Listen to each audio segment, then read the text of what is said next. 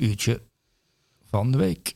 Het leukste uurtje van de week, hè? Ben je er klaar voor? Zullen we lieder starten, Sully? Ja, laat me doen ze doen een lieder maar starten. Ja. Komt-ie.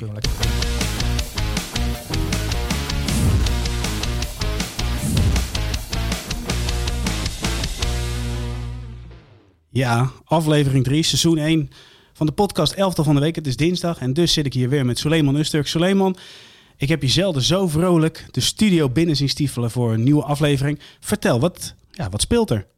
Wat speelt er? Er speelt helemaal niets.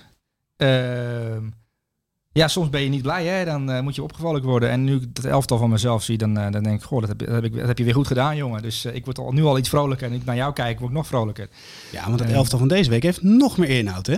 Nou, nou ja, het heeft elke week inhoud. En elke week is er een spel tussen te krijgen. En, en ja, we hebben nu weer eh, de samenwerking met Opta. Het was eerst Canada natuurlijk. En eh, eh, Canada die, die mailde mij een paar weken geleden al dat hij helaas eh, niet meer eh, namens Opta die, eh, die, die data uit de computer mocht toveren. Ja. Eh, bij Opta hebben ze nu een aantal andere mensen die, eh, ja, eh, die dit eh, voor ons doen. En ik moet zeggen, ik heb de data weer, eh, weer, weer ingezien aangaande de spelers. En eh, ja, het elftal wordt er eh, nog beter van. Ja, want voor, voor eh, de luisteraars in dit geval, de cijfers bevestigen dan soms ja, eigenlijk het inzicht, hè? Ja. Ja, wat ik met de ogen zie, dat, dat, dat tonen de statistieken nog, een keer aan eigenlijk. Dus eigenlijk is het overbodig, maar goed. Oké, Hè? nou, daar komen we straks uitgebreid op terug. Want ik heb hier een, een papier met, met stippen, statistieken, staafjes. Alles zit erop. Eh, erop en eraan. Maar we gaan naar de doelman. Ja. En eh, we hebben het over niemand minder Jan Sommer. Jan Sommer heeft veel vaker in het elftal gestaan. Maar als je Elk kijkt jaar naar... minstens één keer. Minstens één keer, absoluut. Maar de prestatie die hij dit weekend heeft geleverd... Als je hem nu niet meer had opgesteld, had je hem nooit meer opgesteld. Want hij vestigt een Bundesliga-record. Hij pakt onhoudbare ballen. Ja. Want als je het hebt over expected goals, waar ze het vaak over hebben... Ja. dan had Bayern met 7-0 kunnen winnen. 12-0. Hij heeft dat lijkt 19 reddingen verricht. Het record in Dus de het Bundesliga. had 18-0 kunnen worden. Eh, als je, dat, als je die lijn eh, doortrekt. Ehm, ja, Jan Sommer keept altijd goed tegen Bayern München. Maar dat komt ook omdat Bayern München vaak op doel schiet. En Jan Sommer houdt er kennelijk van om onder vuur genomen te worden. Ehm, maar wat ik wel... eh, ik heb eigenlijk een vraag voor jou, zoals ik elke, elke week een vraag voor jou heb. Of jij, jij die spelers natuurlijk allemaal eh, in het elftal zien staan. Je hebt de statistieken gezien, je hebt de beelden bekeken. Ehm, ik heb eigenlijk een, een thema hier ook nog bij, eh, bij bedacht. Dit elftal heeft een, een, een thema. Zou jij dat kunnen, eruit kunnen halen? Dit elftal heeft een thema. Nou, laat ik het verklappen. Jan Sommer is de kleinste doelman in de Bundesliga. En eh, we hebben ook nog een andere speler in staan, de kleinste verdediger in de Premier League. Dus Ja. de, de kleine man, dat is het thema. De kleine man. en daar voelen wij ons natuurlijk wel heerlijk thuis bij, want wij zijn ook kleine mannen. Ja, als, als je naar het stemgeluid luistert, dan zou je denken... dit zijn twee hele imposante verschijningen. Ja. In, in fysiek Ja, gezien dan. maar kleine man betekent natuurlijk niet dat je geen imposante verschijning bent. Hè? Dat, dat is alweer een misvatting. nou, deels, deels waar. Alleen, je hebt natuurlijk wel... op het moment dat je twee meter bent en je loopt een kroeg in... dan, dan is het even, laat ik zo zeggen, dan val je direct op. Ja. Wij hebben tien seconden langer nodig. Nou, spreek voor jezelf. Oh, fijn weer. Ja, nee, nee, ik, ik heb dat gevoel nooit gehad. Maar dat kan ook komen omdat in mijn hoofd iets misgaat hoor. Dat, dat ik dat gevoel Ja. heb dat iedereen eh, het, het wel prettig vindt dat ik, dat ik binnenkom. Oh, ja. Ik heb altijd het idee gehad dat de kleine man ook een goed verhaal moet hebben. Nee, helemaal niet. Oké. Maar Jan Sommer, eh, kleine doelman natuurlijk. Eh, fantastische reddingen. Eh, jij gaf net al aan 19 reddingen. Dus had eh, 18 of 19-0 had het kunnen zijn. Zomaar tegen Bayern München. Laten we dus drie reddingen bijpakken. En dan ben ik benieuwd welke redding jouw voorkeur geniet. We hebben de kopbal van Upamecano aan het begin van de wedstrijd. Mhm. Die komt bij de eerste paal, knopte, kopt hem keihard naar de tweede hoek. Nou ja, de reach, vorige week Ja. over gehad hè. Juist de ja, ja. arm weggetikt, daar zat kracht achter. Vervolgens hebben we de dubbele save van Mané Ja, in de korte hoek. En vervolgens de, de rebound. ja, Of het schot van Matthijs de Ligt, de stormram van Bayern München. ja. Ja, daar kom ik zo op eh, terug, over Matthijs de Ligt. Want daar wil je het kennelijk over hebben. Ehm, ja, kijk, Jan Sommer is een goede doelman. En, en sterker nog, het is een heel goede doelman. Alleen hij heeft één ding eh, tegen zich en dat is zijn lengte. Maar als de Premier League clubs naar Gladbach kijken en denken, goh, dat is een goede doelman. eh, en daarna eh, kijken ze naar zijn lengte, dan vallen ze af. Ehm als de meeste managers willen geen keeper hebben onder de 1,80. Ik moet gelijk aan Fabien Barthez denken bij United. Ook, ja, dat, dat zou kunnen. Dat maar je die daar, werd er ook op denkt. afgestraft. Ehm, maar het is iemand die, die elk jaar eh, minstens één keer een wereldwedstrijd keept. keept en dat, dat dan Weltklasse wordt genoemd in, eh, in, in, in Duitsland. En ja, ehm, vaak is het ook tegen Bayern München. En nu had hij weer zo'n wedstrijd. Maar ik heb ook eh, een aantal andere keepers genoteerd. Sterker nog, uit één wedstrijd. Er is één wedstrijd geweest dit weekend in de, in de Bundesliga. de wedstrijd Vrijburg-Bochum. Dus Mark Vlekken tegen Manuel Riemann. 43 doelpogingen in die wedstrijd. Dat is een, een, een wedstrijd die, die in een 0-0 eindigt. Met 43 doelpogingen. Dan moet je als keeper natuurlijk uitblinken. Waren de doelpogingen wel in balans? Nou, iets, eh Riemann had iets meer reddingen. Die had 11 reddingen. Ja. Ehm, dus ik had, ik had Manuel Riemann als nummer 1 opgeschreven. En eh, Mark Vlekken heb ik daarbij geschreven ook goed. Omdat hij natuurlijk in het begin van het seizoen in het nieuws Ja. kwam met een blunder. Ehm, en omdat we waren natuurlijk in de gaten houden richting het eh, WK. Absoluut. eventueel We helpen Frans ook, hè? geselecteerd, precies. Ehm, maar het, ja, toen kwam het optreden van Jan Sommer op zaterdagavond tegen Bayern München. Ehm, en ja, om, de- om 19 reddingen en dat record. Ik bedoel, eh, hij was echt werelds. Eh, het leek wel alsof eh, de Bayern spelers expres zijn richting opschoten. Maar ze schoten ook wel eens niet zijn richting op. En dan pakte die ballen ook. Dus er waren er zat een aantal, wat jij die noemde net een aantal, aantal reddingen van Mané en, en, en Upamecano en De Licht. Welke vond jij het mooist? Nou, wat ik, wat ik op een gegeven moment... ik- één redding, ik, goh, wat een wereldredding. Ehm, maar al die reddingen op- bij elkaar opgeteld, dat maakt natuurlijk zo'n... Dat, dat iedereen op een gegeven moment na afloop van een Gladbach Bayern München het over een keeper heeft, is natuurlijk belachelijk. Als je ziet wat er bij Bayern München allemaal in het veld staat. Absoluut. Mané onder andere. Ehm, maar het gaat dan over jouw persoon, over, over Jan Sommer. Ja, dan heb je natuurlijk wel iets, iets bijzonders gedaan. Ehm, maar hij heeft ook wat, eh, wat, wat in, bij Nederland, die keeper die ook bij Zwolle heeft gezeten, ook, die, die altijd over zijn lengte moet praten. Kostas Lamproe. Kostas Lamproe moet al zijn hele carrière over zijn lengte praten. En als hij een keer een onder een hoge bal doorgaat, dan wordt hij ongeschikt eh, geacht. En is hij te klein. En dat Jan Sommer maakt het natuurlijk ook al heel lang mee. Dat als Ja. hij een keer onder een lange bal doorgaat, of hij eh, bij een corner tastisch een keer mis. Dus hij moet eigenlijk zich extra bewijzen. Hij moet dus 19 reddingen verrichten om wereldklasse genoemd te worden. Terwijl een andere keeper van lengte, ehm, de, de nieuwe keeper van Vitesse bijvoorbeeld, Kjell Scherpen, is vrij lang, hè, 2 meter 3 of zo. Zeker. Eh, Noppert van Heerenveen is ook vrij lang. Ja. Ehm, maar als je die gaat analyseren naar Bundesliga maatstaven, kunnen ze allebei niet keepen. Eh, Dus- nee. Maar goed, in Engeland voorheen, waar natuurlijk, daar, daar is lengte natuurlijk heel bepalend, omdat je veel voorzet had in het verleden. Dat is natuurlijk, natuurlijk ook wel veranderd. Ja, daar is die lengte wel gewoon cruciaal. Nee, en het hangt er ook al vanaf, want we hebben het steeds vaker, met keeper hebben wij het toch ook over eh, snel zijn met de voeten, dus ook over de grond. Ja. En daar Ja, kan een kijk, kleine keeper toch ook wel een voordeel hebben soms. Ja, tuurlijk. Eh, maar je kunt op allerlei, je kunt, eh, kijk, je kunt keepers beoordelen op het 5 meter gebied, op het 16 meter gebied. Eh Buffon noemt het altijd zijn woonkamer die je moet, maar je moet ook je defensie organiseren. Hoe beter jij je defensie organiseert, ja, hoe minder je als keeper te doen krijgt, normaal gesproken. Ja. Maar ook bij hoekschop en vrije trappen, als jij je verdediging goed hebt georganiseerd ehm, en je hebt voor je verdedigers staan die, die jou niet in problemen brengen, dan kom je zelf ook minder in de problemen.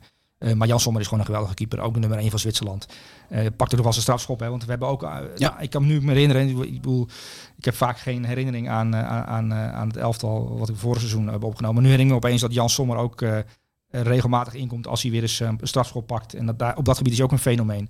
Het is gewoon een, een hele goede doelman. Alleen ja, hij heeft één ding tegen. Ehm, hij is 15 centimeter te kort. Ja. Anders eh, had hij bij de absolute topclub, eh absolute top gezeten, bij, bij, bij een topclub. Maar in dit geval steunen wij deze kleine man. Ja, wij komen op voor de kleine man, ja. Wij komen op voor de kleine man. Cijfer voor Jan Sommer, Soelie? Een 10. Een 10, uitstekend. We gaan door naar de, naar de rechtsback. We moeten wel een beetje vaart maken. Vorige week liep Ja. het volledig uit de klauw met anderhalf uur. Ja. Ja, weet je, daar moeten mensen zoveel autoritjes voor maken om, om het einde te halen. We moeten ze toch een beetje helpen. Dus we trachten richting het uur te werken. Ja, dan Maar krijg je dus berichten van, eh, van mensen die smeken om het toch onder het uur te houden. Want anders moeten ze een kwartier lang op de parkeerplaats eh, in de auto blijven zitten om het af te luisteren. En dan krijgen ze ruzie met de vrouw omdat ze te laat zijn voor het eten. Dus, dus dan richt je wel ellende aan in, in sommige families. Dus we moeten het wel een beetje binnen een bepaalde tijd Ja, maar houden. serieus, als je als man daar niet onderuit kan lullen, dan doe je het wel heel slecht. Hè? Ja, maar jij hebt misschien een goede vrouw getroffen. En ik ook. Maar eh, niet elke man heeft, eh, heeft, heeft geluk op huwelijksgebied. Nee? nee, nee, nee, absoluut niet. Oké. nou Nee, ja. ja, je, je stinkt er soms in, hè? ja, of zij. Ja, of zij of andersom, maar eh, of van beide kanten. Ja. Nou, ik spreek voor mezelf. Ik leef boven bestand. Zij is erin gestonken. Oké. Ja, eh Frimpong. Ja. 3-0. Twee goals. Wat een snelheid. Ja, dat, dat is... Niet normaal. dat is... Kijk, hij natuurlijk bij de 0-2 de 0-3... eh, die maakt hij en twee doelpunten valt natuurlijk op voor een, eh, voor een rechtsback. Ehm, is natuurlijk geblesseerd geraakt afgelopen seizoen en werd er door Van Gaal bijgehaald. En, en dan hadden we hem al in Nederland beter leren kennen, want hij is natuurlijk een international van Oranje onder 21, en Jong Oranje, daar heeft hij vaak bij gezeten. En hij is de enige die geen Nederlands spreekt, hè, want het is een Engelstalige jongen. Klopt. Ehm, en het had wel interessant geweest om hem dan met Van Gaal erbij te hebben. Om te kijken hoe Van Gaal, wat Van Gaal over hem zou zeggen. Maar hoe hij ook zich zou integreren als reserve Dumfries. Want zo moet je hem eigenlijk wel eh, zien. Ja. Ehm, Maar nu bij Bayer Leverkusen, nu valt hij in het begin van het seizoen weer op. En dit is een jongen die op de radar staat van alle grote clubs. Hè? Dit is een jongen die op de radar van Barcelona. Dat, die top moet je aan denken. Ben je dat daar al? Ja, ja, Bayern München. Ik dacht eerder vanuit een bepaalde spelopvatting. Dus bijvoorbeeld een, een ploeg ja, die echt met wingback speelt. Ja, maar de, uh, bij Leverkusen speelt natuurlijk niet altijd met wingbacks. Sterker nog, ze spelen bijna nooit met wingbacks. En hij is gewoon een zeer aanvallend ingestelde rechtervleugelverdediger. En een bakker aan de andere kant. Uh, Mitchell Bakker. Uh, maar Frimpong heeft twee dingen. Hij is op de eerste meters het is echt een knolskogel die afgeschoten wordt. Hè. Het is in de combinatie bang en hij is weg. En ook niet met te achterhalen. En hij is ook op een langere afstand vrij snel. Um, en hij is ook nog eens, ik vind hem technisch vrij goed. Dat, dat als hij middenvelder aanspeelt uh, en, en dan een 1-2 aangaat en, en vertrekt, dan is hij gewoon niet te houden. Um, en hij is dus technisch vrij goed als voetballer. Uh, en hij heeft ongelooflijk veel snelheid. En hij leert ook steeds beter verdedigen. En dat hangt er een beetje bij natuurlijk. En dat is denk ik wat je net bedoelde. Met, uh, voor een wingback. Want een wingback hoeft natuurlijk niet goed kunnen, te kunnen verdedigen. Uh, want nou, hij is zoveel weg. Sorry? Hij is heel veel weg. Ja, hij is continu onderweg. Hij is continu onderweg. En zeker met Moussa Diaby, uh, als die aan, die aan zijn kant staat, ja, dan heb je gewoon uh, twee Ferraris die aan die kant, uh, ja. als die onderweg zijn, hou dat maar eens tegen. en dan is bij Leverkusen natuurlijk, natuurlijk geweldig. Ehm, maar dit is wel een zeer interessante, nog jonge speler die, die nog international moet worden. en het is afwachten of hij uh, meegaat naar het WK, of hij nog een kans krijgt om zich te laten zien, om zich te tonen. Maar in de Bundesliga toont hij zich nu wel weer. Uh, hij is terug van een blessure begin van het seizoen. Uh, hij staat er direct en is, als je verdediger gaat kijken en je ziet Mitchell Bakker, die, die, die stapelt fout op fout eigenlijk. Die maakt hele rare, gekke keuzes af en toe. maar Frimpong maakt echt stappen. en die wordt gevolgd door echt de absolute topclubs. die een rechtsback zoeken. En ik denk dat als hij uh, dit seizoen er bij, uh, bij Bayer Leverkusen 8 uh, inschiet en 10 assists noteert, dan maakt hij een toptransfer. Ja, want even voor het beeld. Afgelopen weekend 3-0 gewonnen van Mainz. Hij maakt twee doelpunten. Had zomaar nog een assist erbij kunnen hebben. Die paas op Chic. Ja. ja, hoe bijzonder is dat voor een speler van die leeftijd? Ja, kijk, uh, we hebben hem afgelopen jaar ook een keer genomineerd. En toen stond hij in de top 5 van verdedigers met hoogste rendement. En, en, en dat is natuurlijk, tegenwoordig wordt er natuurlijk op een bepaald manier naar voetbal gekeken. En rendement is belangrijk. En als je als rechtsback, uh, Si Hakimi, Um, en snelheid hebt en diepte hebt en, en, en, technisch vrij goed bent en je hebt rendement, dus het hele totaalpakket, dan word je interessant voor, voor topclubs, omdat je natuurlijk per jaar een aantal assists en doelpunten toevoegt aan, aan een selectie. En dat is wat Jeremy Frimpong door zijn technische kwaliteit en door zijn snelheid toevoegt aan een elftal. Hij doet het nu uh, op vrij jonge leeftijd in de Bundesliga bij Leverkusen. En Bayer Leverkusen, dat is zijn ja, laatste... Laat, ik denk dat dit zijn laatste jaar is bij Bayer Leverkusen. Dat hij dan een toptransfer maakt. En het zou me ook niet verbazen, bijvoorbeeld. Dit is nu dinsdag. Donderdagavond sluit de internationale transfermarkt. Hij is ook al de afgelopen weken uh, een aantal keer benaderd door de absolute topclubs. Die, het kan zomaar zijn dat straks een club een gewenste rechtsback niet heeft gehaald. Ik noem hem Barcelona. En dan uiteindelijk toch nog een, een miljoenenbod, omdat ze het geld hebben... Uh, neerleggen bij Bayer Leverkusen, bijvoorbeeld. Jij zegt dus eigenlijk dat hij bij heel veel clubs misschien wel nummer twee of drie op de lijst is. Precies. En, en, en dan heeft hij misschien nog een jaar nodig om ook... Uh, uh, ja, je moet natuurlijk wel wat minuten maken. En het is wel verstandig om gewoon een jaar lang basisspeler te zijn bij Bayer Leverkusen. dat, is, dat is een zeer goede club om, om jezelf te etaleren. Om uiteindelijk op een goede manier ergens binnen te komen. Maar dit is een jongen die, die er heel goed op staat. Maar dat heeft natuurlijk met zijn kwaliteit te maken. Omdat hij ja, razendsnel is. Hij kan, wat jij zei, misschien ook als wingback uitstekend uit de voet in een, in een systeem met drie verdedigers en dan uh, hij aan de zijkant. Um, omdat hij ook in de 16 meter van de tegenstander vaak komt. Hè, dat blijkt ja. wel statistieken. Um, ik heb hier staan, want laten we het ook even gebruiken.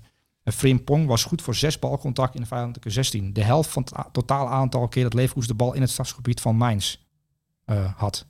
Dat is voor een rechtsback natuurlijk zijn het indrukwekkende aantallen. Dat doet ja. een beetje denken aan Denzel Dumfries en Inter. Precies. En, en daarom past hij ook zo goed als de reserve Dumfries. Dus mocht Dumfries op de een of andere manier in wedstrijd nummer 2 op het WK uh, geblesseerd raken of rust nodig hebben, dan heb je hij wel een speler die in het profiel past. Iemand die in de 16 van de tegenstander ja. kan komen. Iemand die, uh, die, die, die afstanden kan afleggen op hoge intensiteit. Want dat is wat bij hem het, het, grote verschil maakt. Het is iemand die, die als hij onderweg is, dat doet met een ongelooflijke snelheid. En houdt hem dan maar eens tegen. En dan, en dan komt uh, Diaby op je af, dan komt Chic op je af. Ja, dan komt er nogal wat op je af. En dan heeft hij ook nog eens op hoge snelheid in de laatste fase, dus op, bij de 16 meter, de rust en het overzicht en de techniek om iemand te vinden. Dat zag je bij Chic. Ja, precies. En dat is dus een kwaliteit op die leeftijd die, die, die aanspreekt. Ja, nou ja, interessant om te volgen. Want Nederland zelf staat nog voor twee duels voordat de WK begint. Wellicht krijgt hij de kans. Ja. Uh, we gaan het in de gaten houden. Ook donderdag houdt in de gaten. Want dan ben je natuurlijk, speel je een hele grote rol in de Transfer Deadline Show. Uitstekend, daar heb je ook zin in. Ik weet dat je staat te popelen. Daar gaan we het verder niet over hebben nu. Cijfer voor Frank Pong. Een 8,5. 8,5. De kleine man, daar is hij weer. Ja. Want centraal in de defensie heb je niemand minder dan Lisandro Martinez. De nieuwe leider van United, heb ik jou horen zeggen. Uh, dat zou heel goed kunnen, maar dat... Uh, ja, in combinatie met uh, Rafael Varane natuurlijk. Um, kijk, er is natuurlijk 57 miljoen voor betaald, plus 10 miljoen. Dat er nog bij ook komt. Dus laten we zeggen 67 miljoen, 65 miljoen voor Lisandro Martinez. dat is veel geld voor de kleinste verdediger in de Premier League. Um, en, en ik kan me nog herinneren dat hij, vlak nadat hij werd vastgelegd, dat er de Engelse sportprogramma's een statistieken lieten zien van, van, van lengte in de Premier League. En dat hij helemaal uh, achteraan stond. En uh, er werd nog net niet gedaan alsof Manchester United een Lilliputter had, had aangetrokken. Ja, en dan krijg je dus input vanuit, vanuit Opta in dit geval. Ja. En dan staat er, Martinez won al zijn vijf luchtduels. Ja. ja. Maakt geen zak uit toch dat hij wat kleiner is? Ehm, nee, en kijk, dat, wat ik wel uh, leuk vond aan eh, Brentford United, was die, was die wedstrijd waarin alles mislukte voor United. Ja. Omdat zij uh, niet de lange bal speelden, maar probeerden op te bouwen van achteruit. Um, en Ivan Tony, onder andere, die, die, die stond natuurlijk op Martinez. En het tactiek was ook om gewoon lange ballen te spelen. Om te kijken of Martinez door de lucht kwetsbaar was. Ja. Um, en toen zei Ivan Tony, die werd hem daarna gevraagd, na afloop van de wedstrijd. Uh, van ja, je stond op Lisandro Martinez. Wat was eigenlijk de tactiek? En Ivan zei, ja, onze trainer wil dat we in die, in die zone waar Martinez stond lange ballen zouden spelen. Maar hij dacht dat die Lisandro Martinez dat hij elk duel zou winnen. Uh, Ivan Tony, want dat is natuurlijk iemand die, die sterk is in de lucht en die, die, die, die brengt nogal met zich mee. Um, en dat vond ik eigenlijk wel een leuk antwoord. En dat is een beetje ondergesneld in alle harde kritiek. Want dan is Lisandro Martinez een, een, een kabouter die er niks van kan. En uh, dat hebben wij zelf ook aan meegedaan. Hè? Um, een kabouter elftal van, uh, van Erik ten Hag. Ja. Um, maar goed, als je die video luistert, heel genuanceerd allemaal verder. Precies, de kop zegt vaak niet alles. Hè? Nee, nou, maar Ivan Tony, die, die, die zei wel iets leuks. Die zei, ja, ik vond hem eigenlijk best aardig door de lucht. Ik, ik had totaal iets anders verwacht. Want hij, heeft natuurlijk, hij is ook gewoon iemand die die Engelse media leest en ziet en ik goh, die, ik, ik, sta nu tegen, tegen een heel kleine verdediger die, die niet goed kan koppen. Um, maar hij moest, na één, na één luchtduel, had hij zo, oei, die jongen komt hoog.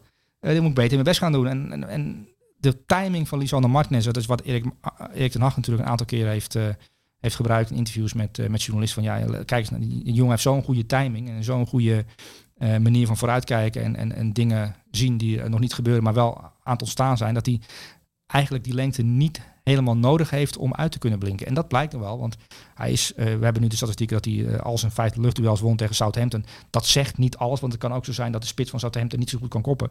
Um, maar het zegt wel dat, um, dat je niet 1,95 meter hoeft te zijn om uit te blinken in, kunnen uitblinken in de Premier League. Maar wat, ik, wat, wat mij vooral opviel, is dat hij uh, voortdurend aan het wijzen en sturen was. En vooral Varaan op zijn plek zetten.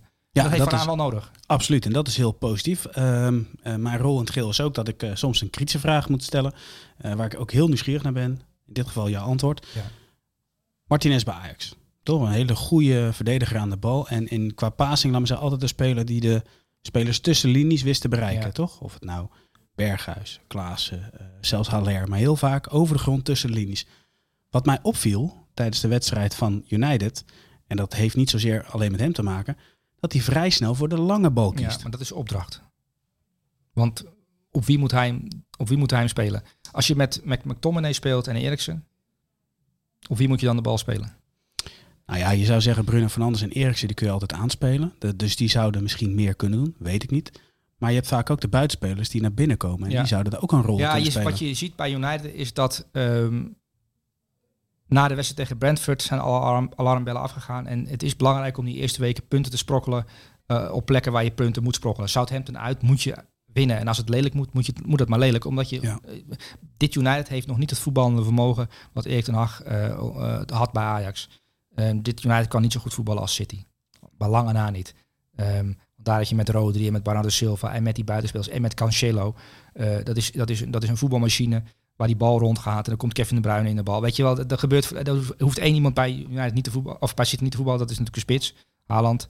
Ehm, maar bij United, de buitenspelers zijn nog niet de buitenspelers die Ten Hag wil hebben.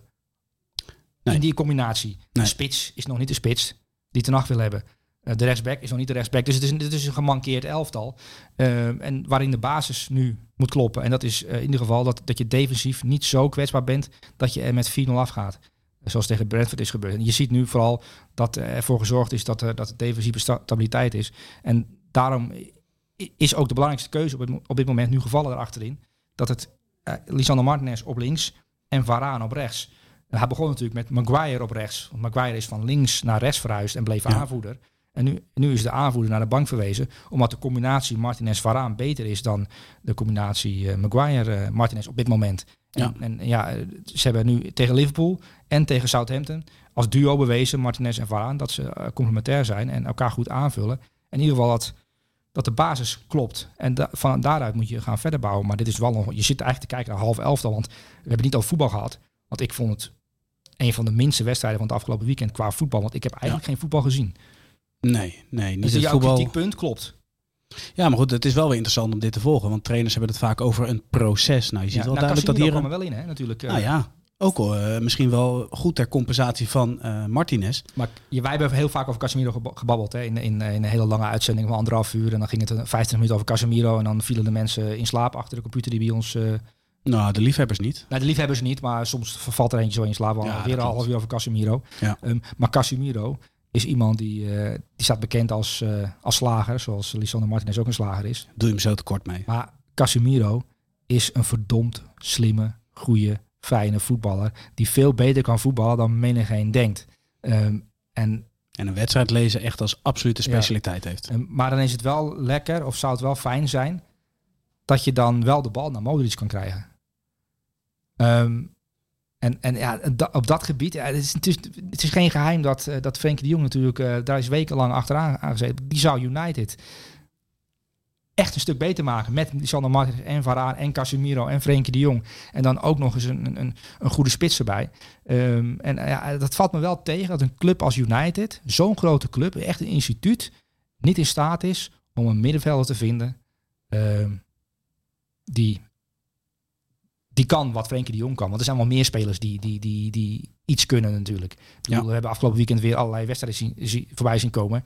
Eh, een aantal andere clubs zijn wel in staat om spelers te vervangen. Heb ik gezien. Dat ik denk, goh, dat is ook wel een goede speler. Maar daar Ja. komen we misschien zo op. Daar gaan we zeker zo op komen. Eh, want we zitten nu op eh, bijna 22 minuten. Ja. Ehm, we gaan een cijfer geven. Maar zou jij voor Varane of Lisandro Martinez hebben gekozen op basis van deze wedstrijd? Want ik, ik kies natuurlijk ook voor Lisandro Martinez, omdat hij natuurlijk, eh, ja, eh, omdat we dat, Nou, ik ook Martin, hè, want je neemt alles mee. Ook Ja. de kritiek van de voorkant en, en, en nu ook hoe die daar dan weer mee omgaat. Met alle respect, maar Varaan, ja, die moet het ook gewoon kunnen, want het is een ondergrens. En, en Martinez speelt voor het eerst op dit niveau. En dat twee keer op rij tot man of the match verkozen. Het is, toch lekker, het is toch lekker binnenkomen dat je in je eerste wedstrijd word je in de rust gewisseld. En dan komt er een hele week een stortvloed aan kritiek over je heen. Omdat je te klein bent. En daarna twee wedstrijden op rij. eh man of the match. En, en En dit gaat ook helpen, hè, Sully? Dit gaat ook helpen hoor, elftal van de week. Je zag Ja, het vorige ja, week met, eh, met wie was het? Eh, Struik natuurlijk. De zaakwaarnemer van Struik. Ja, die is er ook blij mee met wat te zeggen. En er zijn al ontwikkelingen op het gebied van uh, Lovro Mayer. Atletico Madrid, Diego Simeone heeft, heeft een bod neergelegd bij Stad, Stadrennen. Alleen eh, de vraag is of, of dat uiteindelijk gaat rondkomen. Maar dat zou toch wel een opmerkelijke transfer Dat is zijn. jou goed nieuws. Je hebt aandelen maar in ja, Maier, ja, toch? ja, ja. De, de, de fanclub gaat dan enorm Ja. groeien. Vakantiehuis komt eraan. Koek, koek. Eh, cijfer voor Martinez. Een, eh, een 8,5. 8,5. Oké, we gaan door naar de linksback. En dan komen we uit bij Nuno Tavares. Geweldige goal. Komt aan de linkerkant op, naar binnen, rechterbeen in de korte hoek. Bestrijkt de hele linkerflank. Ja. Is heel veel aan speel op de helft van de tegenstander. Schiet ook veel op doel. Hebben we het over een linksback of over een linksbuiten? Nou, leuk dat je erover begint. Ik echt wel een, een spontane aanvulling op wat ik wilde vertellen eigenlijk. Want eh, Oh, sorry. ja, nee, ja, we, het lijkt net alsof we ingespeeld duo zijn. Eh, maar dat zijn we. Ja, dat klopt. Maar wacht even, wacht even. Het is wel, dat, we zouden daar een camera moeten hebben. Het is niet zo, wij zitten niet bij elkaar in de buurt. Jij hebt je eigen hok, ik zit op de, op de redactie. Ja. Ehm, wij spreken elkaar heel kort bij het koffiezetapparaat. Altijd Ja. kort zakelijk. Wat gaan we bespreken? Ja, en hier is het vuurwerk. Ja. Even, toch? Het is niet zo dat wij eh, Er is geen veel draaiboek, contact hebben. Nee, nee, daar heb ik sowieso niet. Hebben ook niet veel contact. Nee. Tenminste, eenzijdig contact. Ik heb wel eens wat en heel soms krijg ik reactie. Maar ga Ja. door. Tavares. Dit moest je even kwijt, hè? Ja, het is een... Het is een eh, Nee, maar Kleine Nuno- Tavares, die kwam binnen bij Olympique Marseille. Uh, Tudor is natuurlijk, naar de, Igor Tudor is nu de trainer, de opvolger van Sampaoli. Uh, Nuno Tavares komt bij Arsenal vandaan. Hè? En, en die, daar hebben ze natuurlijk Alexander Sinchenko binnengehaald. En ze hadden Tjerni al. En, en toen dacht Nuno Tavares, ik heb hier niks meer te zoeken. Uh, wat is nou een leuke club om, uh, om op huurbasis uh, minuten te maken? Nou, die heeft goede verhalen gehoord van Saliba. Goede verhaal ja. van Guendouzi, die natuurlijk ook bij Arsenal speelde en nu bij Marseille. Ja. dus die, die kwam op die manier bij Marseille in beeld. En Igor Tudor, die, die, die, kwam hem, ja, die kwam natuurlijk verwelkomen toen hij binnenkwam de eerste dag. En die uh, nam hem meteen mee naar zijn trainingskamer en die, die zei, ik heb één opdracht voor jou. Jij, ik weet dat jij dit zou, dit zou jij heel goed kunnen. Die had een streep getrokken op, op het tactiekbord. En die zei, het enige wat jij moet doen is de, deze streep die je ziet, van boven naar beneden en van onder naar boven. Je moet gewoon heen en weer rennen. Dat is jouw taak. Um, die, ja, die, jongen vond dat, die jongen vond dat een beetje, ja, een beetje merkwaardig. Goh, ja, oké. Okay. Ik ben linksback, maar uh, hij is helemaal geen linksback bij, uh, bij Marseille. Want uh, hoe vaak heeft hij in zijn eigen 16 gestaan? Ik denk tegen Nice, daar hebben we het over, heeft hij een, een, doelpunt gemaakt. Um, een, zijn, zijn derde of vierde goal alweer van dit seizoen. Ik weet, ik weet niet uit mijn hoofd, maar hij heeft in ieder geval een aantal keer gescoord al. En is, is de revelatie bij Marseille in, in, in de openingsweken. En is nu de meest scorende verdediger in Europa. Op zich opmerkelijk. Ja. Um, maar hij is, speelt 3-5-2 en hij staat aan de linkerkant. En ik heb hem vaker de punt van de 16 van de tegenstander zien staan dan in zijn eigen 16 meter. Precies dat punt, uh, hè? daar stond hij heel veel. Ja. ja, precies, daar stond hij heel veel. Het is gewoon bal aannemen en dan Alexis Sanchez inspelen. En zo was ook, kwam ook nog een doelpunt uit voort. Hè? Ja. Want een doelpunt en een assist.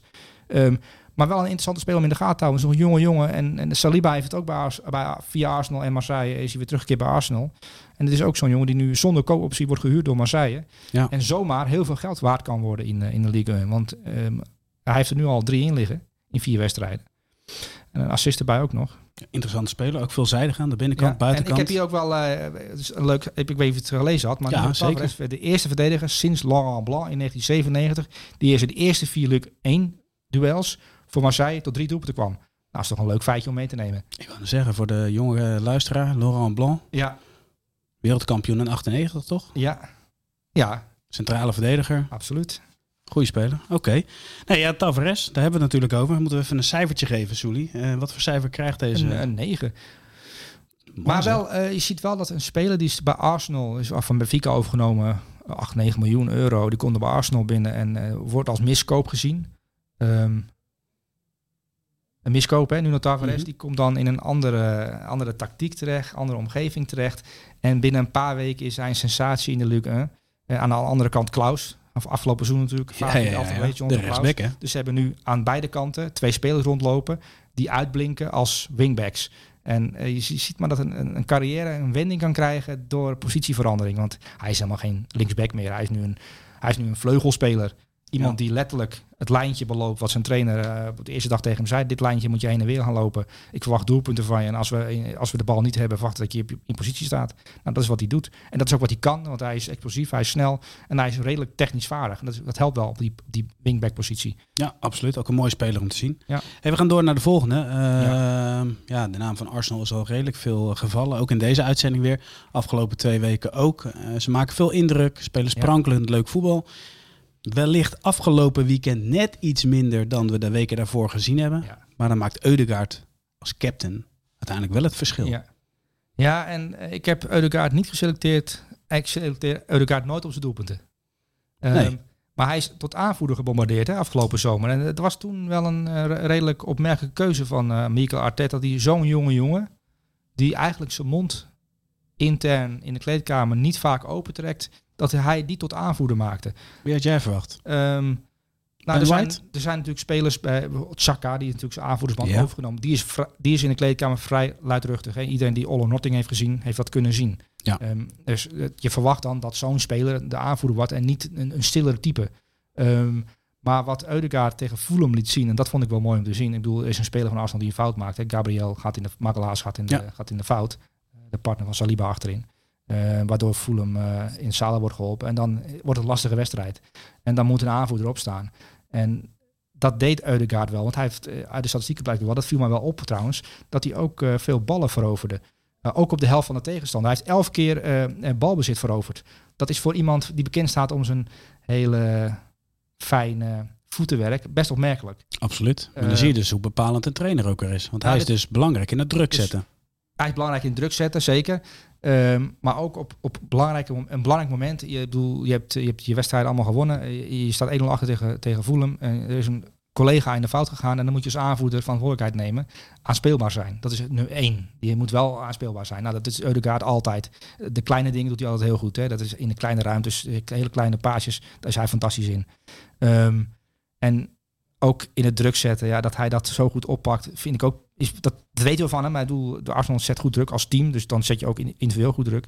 Maar als aanvoerder eh, in zo'n elftal opstaan, eh, de eerste keer dat je echt moet opstaan, dat betekent wel dat, een, dat je ook de keuze van een trainer rechtvaardigt. Dat die andere jongens denken, oké, als we het moeilijk hebben, dan hebben we Eudegaard.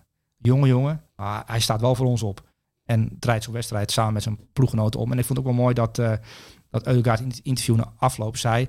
ehm, ja, we moesten onze, we moesten onze centraal verdediger Gabriel, die, die, die, fout moesten we als team goed maken. En dat, dat voelde hij heel erg. Dat vind ik wel mooi. Dus dat hij als aanvoerder kennelijk ook een eh, ontwikkeling doormaakt. En dat is misschien wel de laatste stap die hij moet zetten. Ik bedoel, het is een hele fijne voetballer. ehm, die, die, die weet waar iedereen staat. Absoluut. Ehm, en nu ook ja, meer een leider worden. En als je dat gaat combineren, dat je weet waar iedereen staat en je bent een leider op moeilijke momenten, dan word je ook een grote speler. Ja, maar dit maakt het elftal ook wel weer interessant, hè, Sully? Want eh, de afgelopen weken hebben ze het echt gewoon ja, fantastisch voetbal gespeeld. En dan, nou ja, het, zei ik ook van ja, lastige keuze. Wie van Arsenal ga je kiezen? Ja. Nu hebben ze het lastig. En dan kijken dus naar hele andere kwaliteit. Dus jij kijkt een wedstrijd niet alleen maar als liefhebber, maar ook wel als, nou ja, als kenner sowieso natuurlijk. Maar het mentale vind je ook heel interessant. Ja, ja, zeker. Ja, maar dat is ook heel belangrijk. Dat is toch belangrijk? Ja, maar daar kijkt een, tussen aan een liefhebber vaak niet naar. Oké. Dus je vindt mij raar? Of, eh? Dat sowieso wel. Nou ja, anders. Je bent gewoon Nou, anders. Het is, het is, het is, dit zijn wel wedstrijden waarin... En, en, en, en als, het, is natuurlijk op, het is echt opmerkelijk. Eudegaard wordt tot aanvoerder gebombardeerd van Arsenal. Dat is een opmerkelijke keuze van, van een coach. Maar kennelijk heeft hij gezien dat hij de kwaliteiten heeft. Maar hij moet ook die transitie nog maken naar echt een leider. En op die plek... ehm, ja, je kunt Saka tot aanvoerder benoemen. Maar Makkelijke keuze. Ehm, ja, dat is een jongen van de club, weet je wel. Ehm, maar dit is een, een, een Eudegaard die, die op zijn zestiende al de nieuwe Messi werd genoemd, de Noorse Messi. Eh, dan zes, zeven jaar nodig heeft om op dit niveau het verschil te kunnen maken. En dat doet hij op dit moment.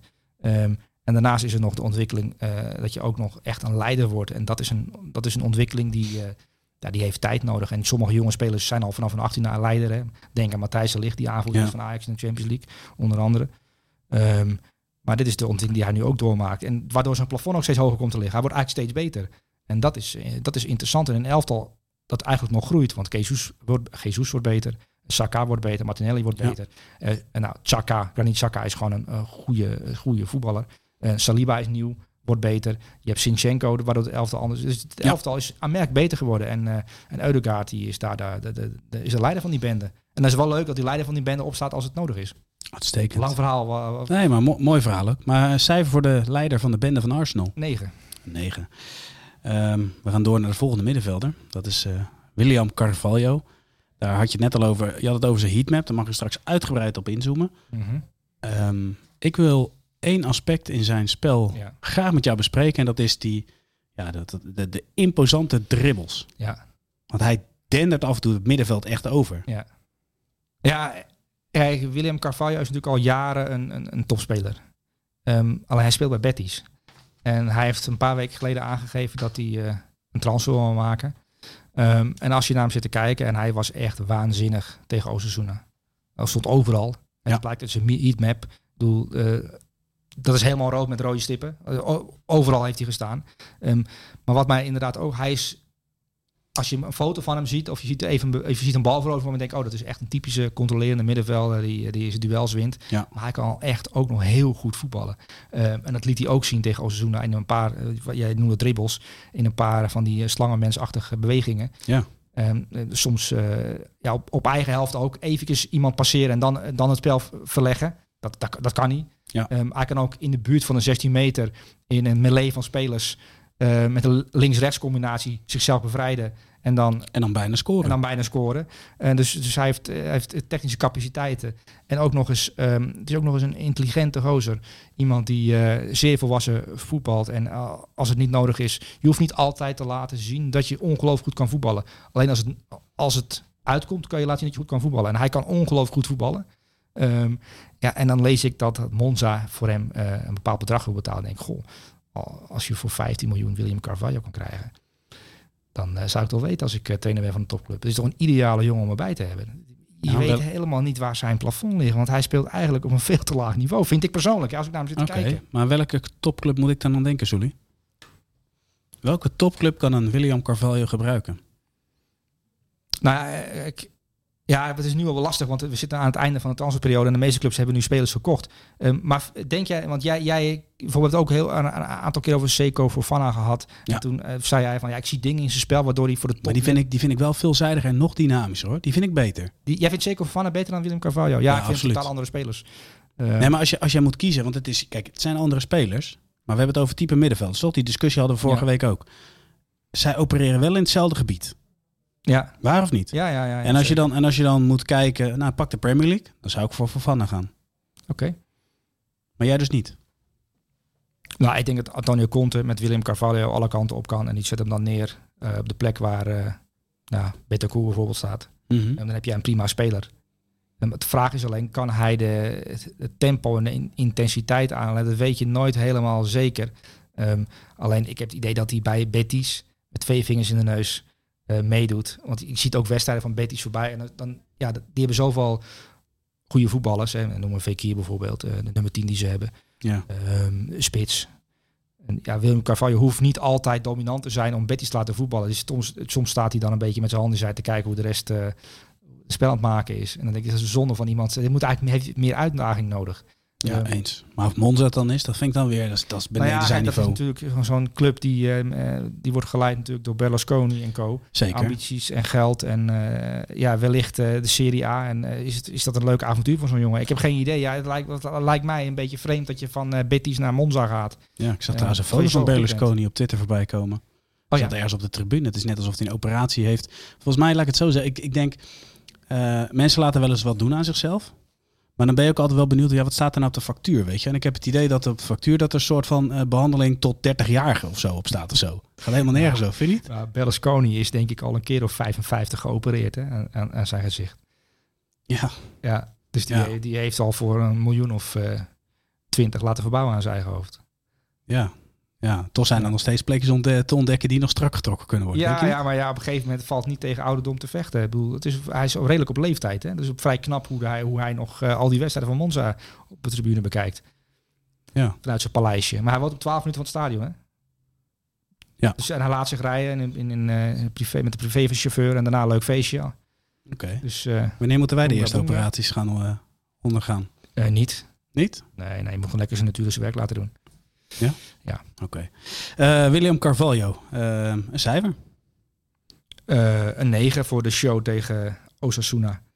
Maar even kijken. Spelen met de meeste balcontacten, 84. Succes- succesvolle passes, 57. Gewonnen duels, 12. En eh, alleen Jeremy Pino, dat is een eh, vleugelaanvaller, Ja, ja. kwam dit seizoen tot meer geslaagde ribbels. Of evenveel als, als Carvalho.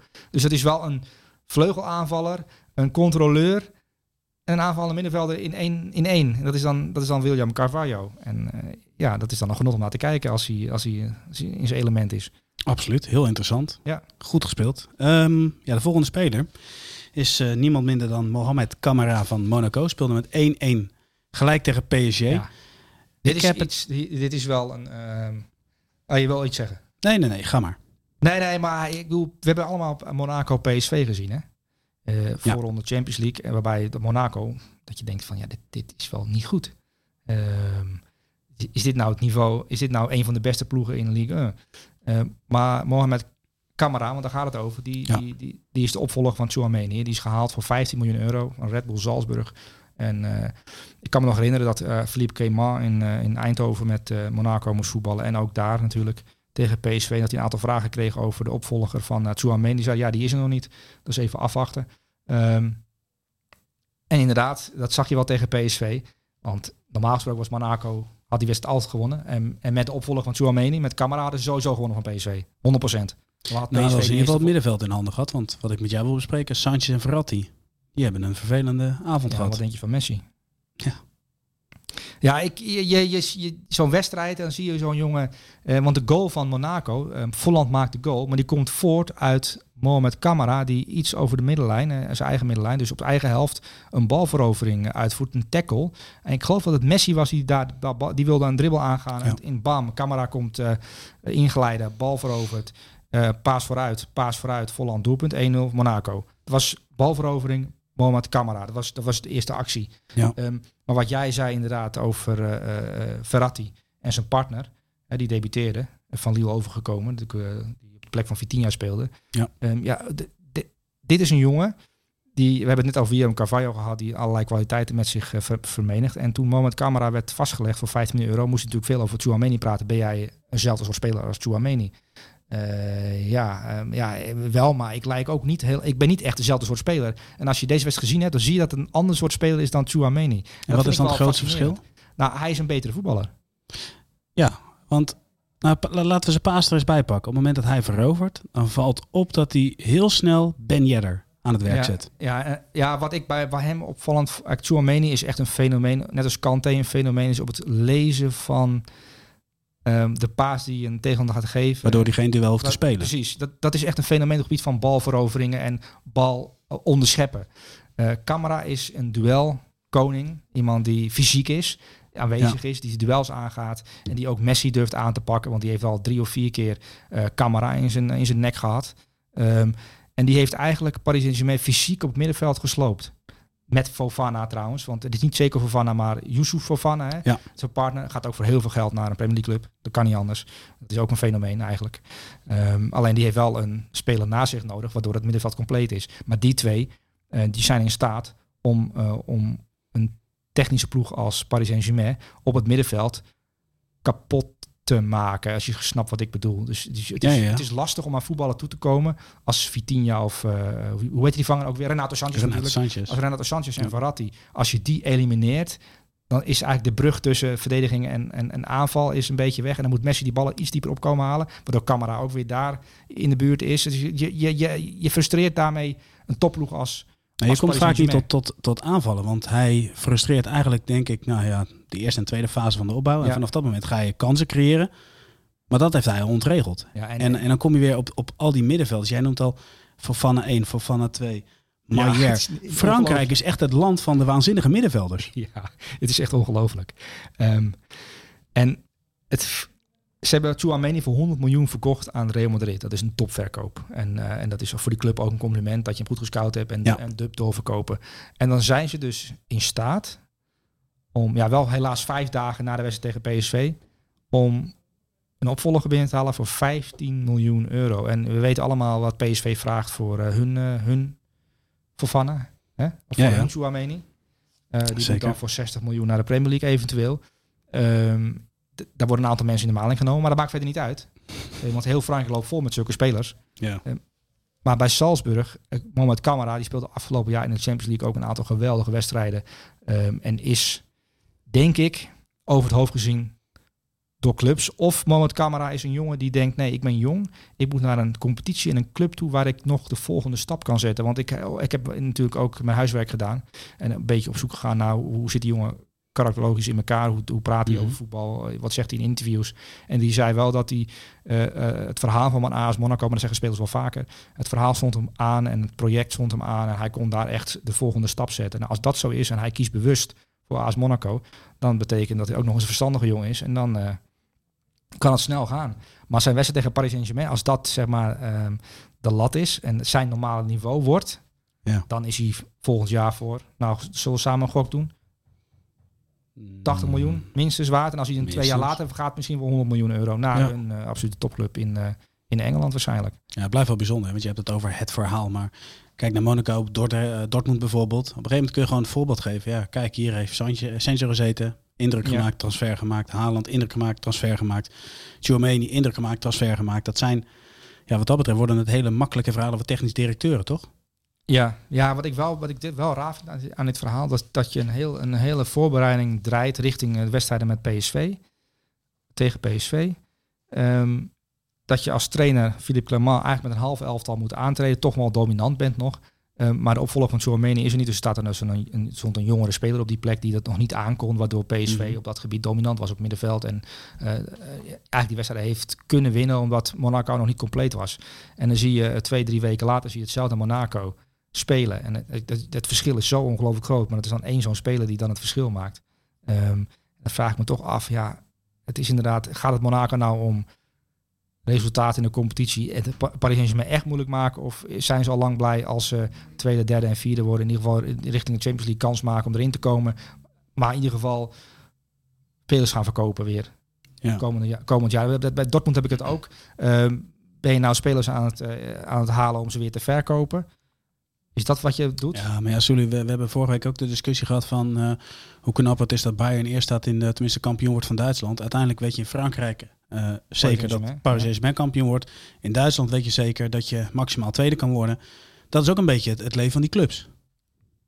Ja, dat is waar. Maar bij kijk, Paris Saint-Germain moet je afrekenen op prestatie in de Champions League. Je ziet wel bij Paris Saint-Germain nu dat ze met Renato Sanchez een speler hebben gehaald die Paris Saint-Germain normaal gesproken nooit had gehaald bij Lille.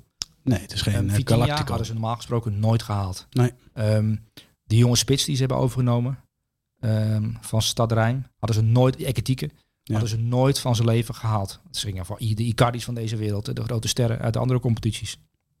Dus je ziet daar wel een, een verandering. En, En je ziet het gelijk terug, want er is balans in het elftal. Precies, en dat is dus gewoon een, een, een slimme technisch directeur die daar eh, het beleid voert. En Ja. ook daarbij een trainer aanstelt die eh, Messi, want dat, dat is misschien, daar hebben we het helemaal niet over gehad. Messi werd gewisseld hè, eh, tegen Monaco, 4-3, 4 minuten voor tijd. Hoe was de Daar was reactie? meneer niet blij mee. Nou, hij, hij gaf, eh, hij gaf de trainer, hij, hij gaf natuurlijk toen eh Postino geen hand. Hè. Dat was toen een heel rel. Maar hij gaf nu wel uh, Galtier wel een uh, hand. Um, maar toen ging je op de bank zitten en toen vroeg een ploeggenoot aan hem, is er iets? En toen gaf hij zo'n uh, zo'n Don Corleone-achtig uh, knikje. Zo'n zo maffia-achtig eh, knikje van, ja, ik heb geen idee waarom ik hier op de bank zit. Maar uh, ik vind het zelf ook niet... ik snap het zelf ook niet zo goed. Het, dat is wel, ja. Lichaamstaal van Messi is echt fascinerend. Dat is wel te hopen dat die trainer niet met een paardenkop straks in zijn bed ligt. Nou ja, dat zou ja? wel kunnen. Ja, hè? ja het, het, deed me denken aan Don Corleone. Don Corleone ja. Messi. Hij heeft het weer op films, hè? Vorige week ook. Zou dat ook terug laten komen? Elke week een soort nou, iets met de nee, film? heel spontaan zo. Uh... Oh, het moet spontaan blijven, niet... Ja, uh... nee, ik wil het niet. Dat, dat, dat, dat allerlei... Uh, niet, niet te moeilijk maken. Nee, oké. Okay. Zover mijn inbreng. Maar heb jij nog een uh, stukje Yoda uh, meegepakt of niet? Nee, nog niet, nog niet. Uh, oh. Mijn zoon had het er wel over trouwens. En een vriendje van hem is wel echt een Star Wars fan. En die dus die zei wel van, ja pap, we doen dat in de, in de kerstvakantie. Gaan we dan lekker films kijken zo. Dus we hebben wel besloten om in de kerstvakantie ja, te beginnen met Star Wars. En dan laat ik jou weten of ik naar film 1 of ik doorga of niet. Oké, okay, nou ben ik heel, heel, heel benieuwd ja? naar. Ja, wel, wel leuk. Ja, zeker. Hebben we al een cijfer gegeven trouwens aan... Camera? Aan camera. Hij, hij, was zo. Ik vond 9,5. 9,5, oké. Okay. Um, gaan we door naar de volgende middenvelder, de laatste middenvelder. Waanzinnige speler. Ja. Heel aparte voetballer. Ja, maar wel een mooie speler. Ja. En dan kom je op, um, nou ja, laten we eens even um, 45 passes, waarvan 82% goed. Dan kun je zeggen van oké, okay, dat is niet heel bijzonder. Maar in zijn geval wel, want elke paas van Milinkovic Savic is er een met risico. Is er in ieder geval met een aanvallende intentie. Wordt ook uitgescoord. Maar als jij nou de voetballer Milinkovic Savic moet omschrijven, wat, wat komt dan als eerste je op? Ja, ik, ik vind het al jaren een, een, een fascinerende speler, omdat hij niet heel snel is. Hè? Hij, hij, hij waggelt niet, maar hij, hij, loopt van 16 meter naar 16 meter gebied en dat doet hij in zijn eigen, hele eigen tempo. Het is iemand die is krachtig en sterk, um, heeft een geweldige pa lange paas in zijn benen. Ja. Uh, jij noemt het risicovolle paas, maar zo die, die assist die die gaf, waar de, waar de goal uit voortkomt, dat is echt een waanzinnige bal. Ja, dat moet je en zien en, en, en, en uitvoeren. Um, maar hij doet mij denken aan, uh, qua profiel, aan een NBA-basketballer. Iemand die eigenlijk helemaal geen voetballer is, maar een NBA-basketballer die geleerd heeft om te voetballen en die van basket naar basket heen en weer uh, beweegt. Want hij heeft het profiel van een, qua lengte, is natuurlijk gewoon een, een profbasketballer. Ja, zeker. En ja, ik heb ook het idee dat bij hem dat je soms denkt, uh, doet hij wel mee? Waarom is hij zo afwezig? Dat, als je zo goed bent, waarom, waarom niet wat meer manifesteren? Ik vind het een fascinerende voetbal, maar al jarenlang. En hij is natuurlijk ooit uh, een paar jaar geleden al 100 miljoen euro uh, waard genoemd. Hè, door de voorzitter van, van Lazio. Je mag hem hebben, maar voor 100 miljoen afhalen. En dat, niemand heeft 100 miljoen durven neerleggen voor Milinkovic Savic. Um, Maar ik heb hem ook genomineerd. Om, ja, ze, winnen van Inter met 3-1 en ze spelen natuurlijk tegen Feyenoord. En dan gaan we, weer, gaan we ook het eh, fenomeen Milinkovic-Savic eh, uitlichten natuurlijk. Hè. Dan mag eh, Pieter Zwart er eh, naar gaan kijken. En dan mag hij hem technisch en tactisch gaan ontleden. Maar het is een, het is een aparte voetballer. En, en omdat hij, net als die andere, we hebben het over Willem Carvalho gehad. ehm, maar iemand met zijn profiel, dan verwacht je toch dat het een Scott McTominay is. Maar het is iets meer dan Scott McTominay. Iets meer. Nou, maar Scott McTominay speelt bij United en hij speelt bij Lazio. En eigenlijk moet het omgedraaid zijn. En dat is het fascinerende van het hele... Waarom, waarom neemt een topclub hem niet? Want het is iemand die... Ja, maar kun je je voorstellen dat, dat je bij, in Engeland bij een topclub en, en hij speelt daar, dat hij even 10 minuten niet meedoet? Kun je dat voorstellen? Nee, dat kan niet. Ja, maar dat, is, dat is het hele stuk. Ja, het misschien is dat, is dat de trigger dat hij dat dan, dat er dan uit het spel wordt gefilterd. Want dat kan kennelijk bij Lazio. Ehm, in zo'n wedstrijd tegen Inter. Want eh, wat, wat ik altijd met eh, Serie A-wedstrijden heb, ik weet niet of jij dat ook zo ervaart. eh, maar Premier League-wedstrijden kun je niet aan de wc. Nee. Dan kun je gewoon niet 10 seconden missen. Want het kan in 10 seconden van, van, van, van de cornervlag van Newcastle naar de cornervlag van Norwich gaan als Norwich in de Premier League zou spelen. Want die spelen niet in de Premier League. Maar dat is een verkeerd voorbeeld. Maar ja. ik nee, maar ik snap wat je bedoelt. Ehm, Serie A-wedstrijden, de drinkpauzes duren al drie minuten langer dan, eh, dan elders. Weet je wel, het spel ligt stil en dan ligt het ook echt stil. Dan kun je gewoon 30 seconden de tijd nemen om Ja. eh, naar de koelkast te lopen, een blokje kaas te halen bijvoorbeeld. Nou, sterker nog, je kan zelfs een beetje mosket er, eh, erbij Ja. doen. Je hebt alle tijd. Je hebt, het is een hele andere intensiteit en daarom kunnen ook daar Slatan en Ribéry en al die jongens heel oud worden. Dus het is wel een ander soort voetbal. En daarom zijn jongens die in de Premier League, vanuit de Premier League naar Italië gaan, bijna allemaal succes. Want ja, dat is gewoon alsof je... Het is eigenlijk een soort van de, de, nou, een beetje de, de zonnebloeminstelling van het Europese topvoetbal. Ja, nou ja, ik, ik, eh, zonnebloeminstelling, ja, ja. Is dat van Kuifje? Nee, de zonnebloem is toch voor de oudere mensen. Oh, dat is een soort bejaardeninrichting. Ja, ja. Of bejaardenhuis mag hij niet zeggen. Hè? Dat is een, een oudere, senioren ja woning. klopt. Ja, je moet ja, zorgvuldig zijn met Ja. de woordkeuze. hè. Het is altijd, Ja, eh, anders word je gecanceld en dan eh, is het einde, einde elfde van de week. ja, nou ja, dan, dan, dan duikelen we uit de top drie. En dat willen we niet, hè? Nou ja, dat maakt me niet uit. Maar, eh, eh, maar, maar als jij naar hem kijkt, Milinkovic, Savic. Zal hij bij Feyenoord op het middenveld overleven, ja of nee? Ehm, nou, kijk. Zo'n zo'n pak Quinten Timber. Echt een goede speler trouwens. Oké. Zit er bovenop, fel. Maar die gaat dan vijf, ga, vijf keer gaat hij mij uit het oog zijn. Of heeft, kan hij die ruimte niet belopen en dan wordt hij gevaarlijk. Dus ik denk dat we met momenten gaan zien hoe goed Milinkovic Savic is. Oké. Dus cijfer voor Milinkovic Savic, Soelie. Een 8,5. 8,5. Hey, dan gaan we naar de voorhoede en dan zien we een pijlsnelle buitenspeler. Tenminste, ik zeg buitenspeler. Geraldo Becker. Ja, Kennen was een buitenspeler, maar hij stond Ja. centraler. Ja, ja Geraldo Becker, we hebben het over... In, in het elf van de week komen natuurlijk spelers die dan eh, een jaar later voor veel geld getransfereerd worden. En er zijn allemaal voorbeelden van, van jongens die nu eh, elders in het buitenland spelen, die, eh, die we allemaal hebben genomineerd. Ehm, maar Geraldo Becker en Union, hij heeft nu vier doelpunten gemaakt in de Bundesliga. Hij is topscorer van de Bundesliga, maar dat is één, één deel van het verhaal. Ehm, maar ik vond hem afgelopen tweede seizoenshelft, dus, eh, dus de eerste helft van 2022, zag je al een ontwikkeling dat je dacht, oh, hij is echt goed aan het worden in, in, het, in het systeem van deze trainer als Ja. spits. En hij speelde toen met eh Awoniyi samen. Die speelt nu Ja. eh, in, in de Premier League. Ja, die hadden we laatst in het elfde van de week. Precies. Nou, nee, dus oh nee, die eh, Nottingham natuurlijk. Ja. Dat was de, de man die weggestoken werd door. door Nico Williams. En Precies, dat is nu dat de spits van, van Nottingham. Maar dat was de partner van, van Geraldo Becker. Geraldo Becker. En hij heeft nu een nieuwe partner. Hij heeft nu een uh, Shibacho als eh, partner. En Shibacho blinkt wel uit in het vasthouden van ballen, in het doorkoppen. En, en, eh, weet je wel, oh, het, Dat zie je ook bij de goal terug. dat zie je ook bij de goal terug. Maar hij heeft nu een nog betere eh, partner gevonden in Shibacho. Waardoor Geraldo Becker nog meer weet uit te blinken. En hij heeft nu al vier in liggen bij Union. En Union doet het echt geweldig in, in de competitie. 6 zijn gewonnen van Schalke tegen onder meer Ouwejan. Ga door. Precies.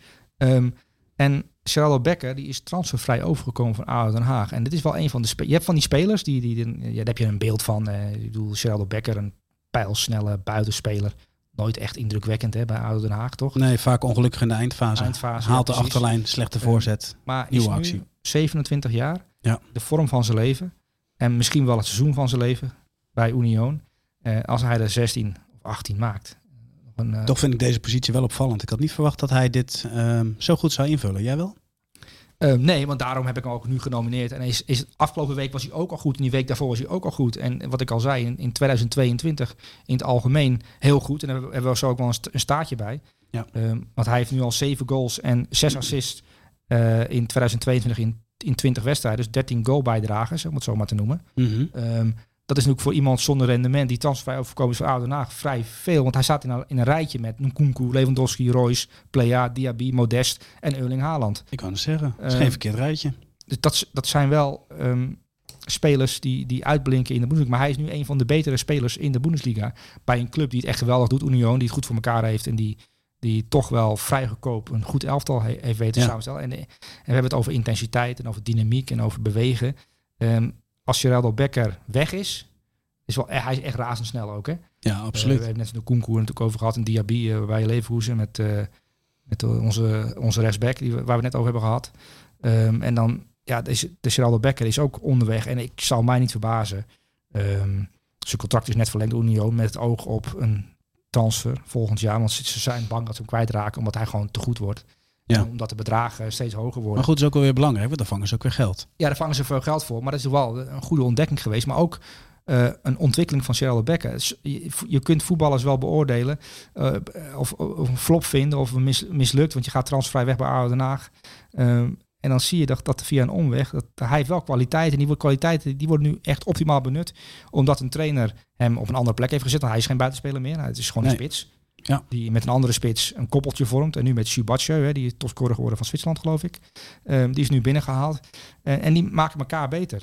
En dat is, eh, dat is leuk om te zien. Union Maar dan kun je ook wel zeggen dat, dat die club echt investeert toch in, in Becker. Want eh, nou ja, la- laten we het systeem er eens bij pakken. Want ze spelen vanuit een, nou ja, misschien wel zoals Smit speelt toch? Dat 4-2-2-2 Ja, of zo. Ja, ja, je kan het 4-2-2-2 noemen, ja. Maar heel Ja. veel dynamiek. Daarin speelt hij natuurlijk een belangrijke rol. Waar hij voorheen ook nog wel eens de zijkant op zocht, blijft hij nu echt centraal. Ja.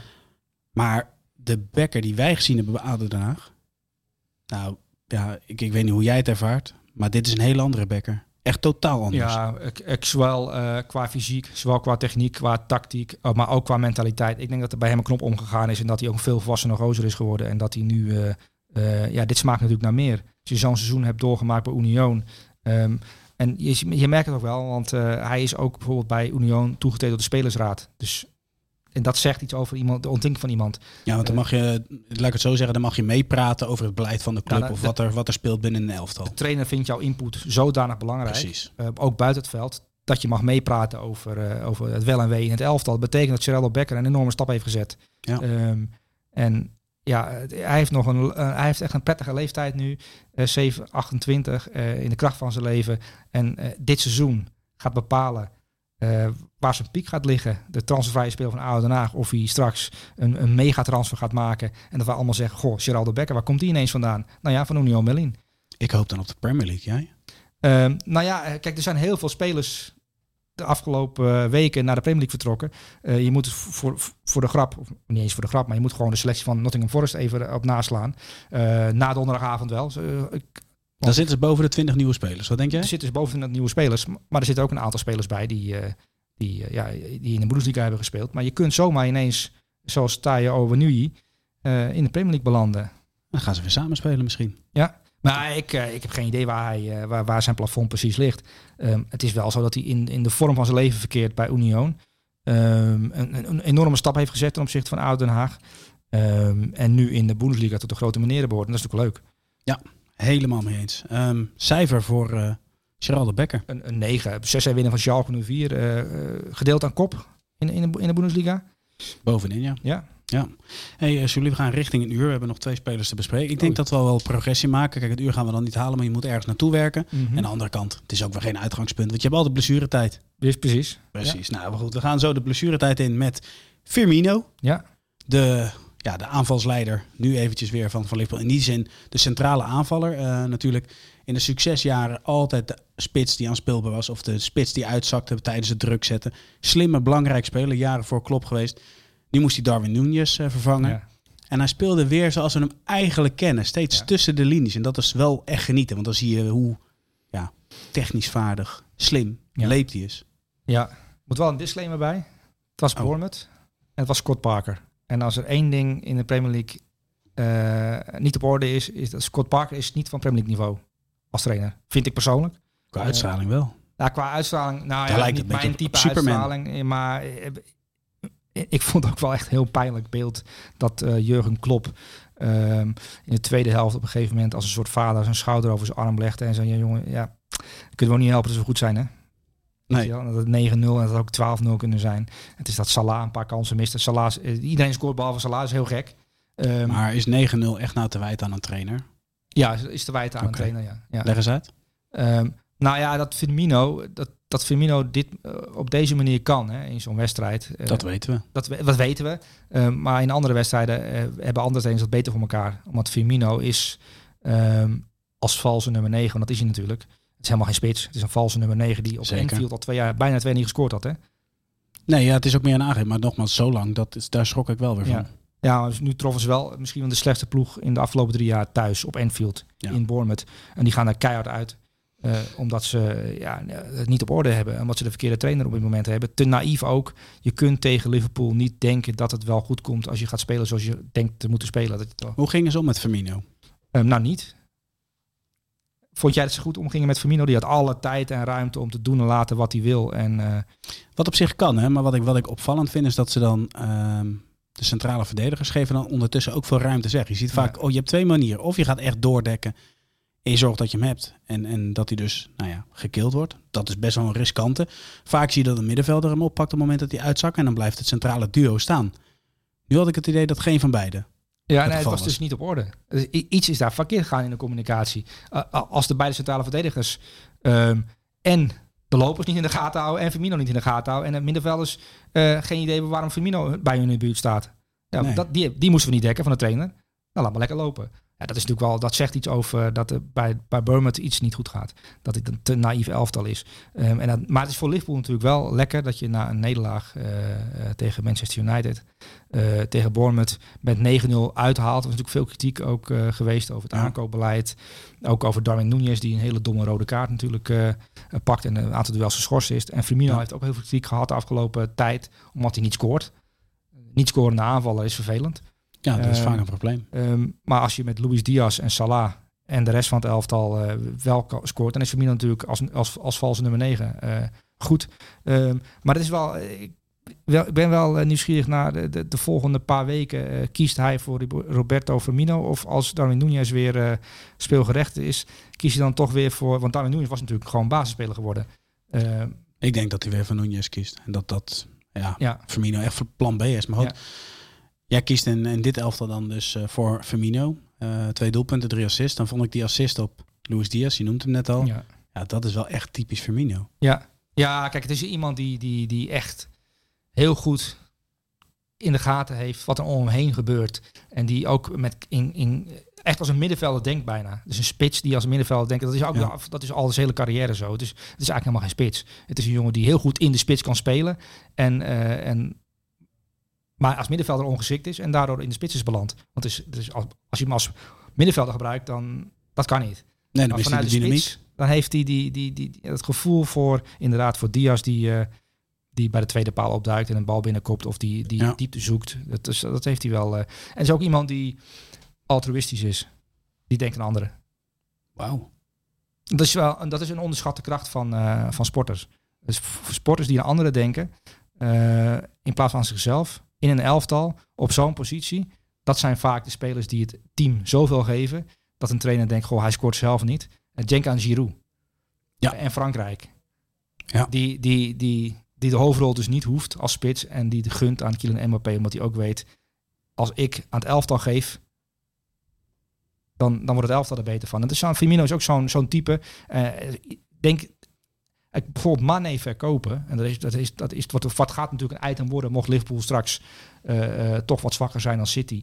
Eh, waarom, waarom niet beter je best gedaan om Mane te behouden? Want Mane geeft behalve dat hij het doelpunt en assist verzorgt, ook iets aan het elftal. Iemand die altijd aan het elftal denkt. En dat, dat moet Luis Diaz natuurlijk nog laten zien. Dat is een geweldige speler. Ja. Die, die in zijn eerste paar maanden, de eerste zeven, acht maanden, een geweldige vanger is geweest voor, voor Mane. Maar met Mane is het ook wel iets vertrokken. Eh, en datzelfde geldt voor Firmino, die natuurlijk, eh, ehm, ja, ook, je ziet Darwin Núñez binnenkomen voor 100 miljoen, 80 plus 20. En denk, goh, daar gaat mijn eh, basisplaats. Ik ben nu eeuwig bang zitten en die zal vast hebben aangegeven, ik wil weg hier.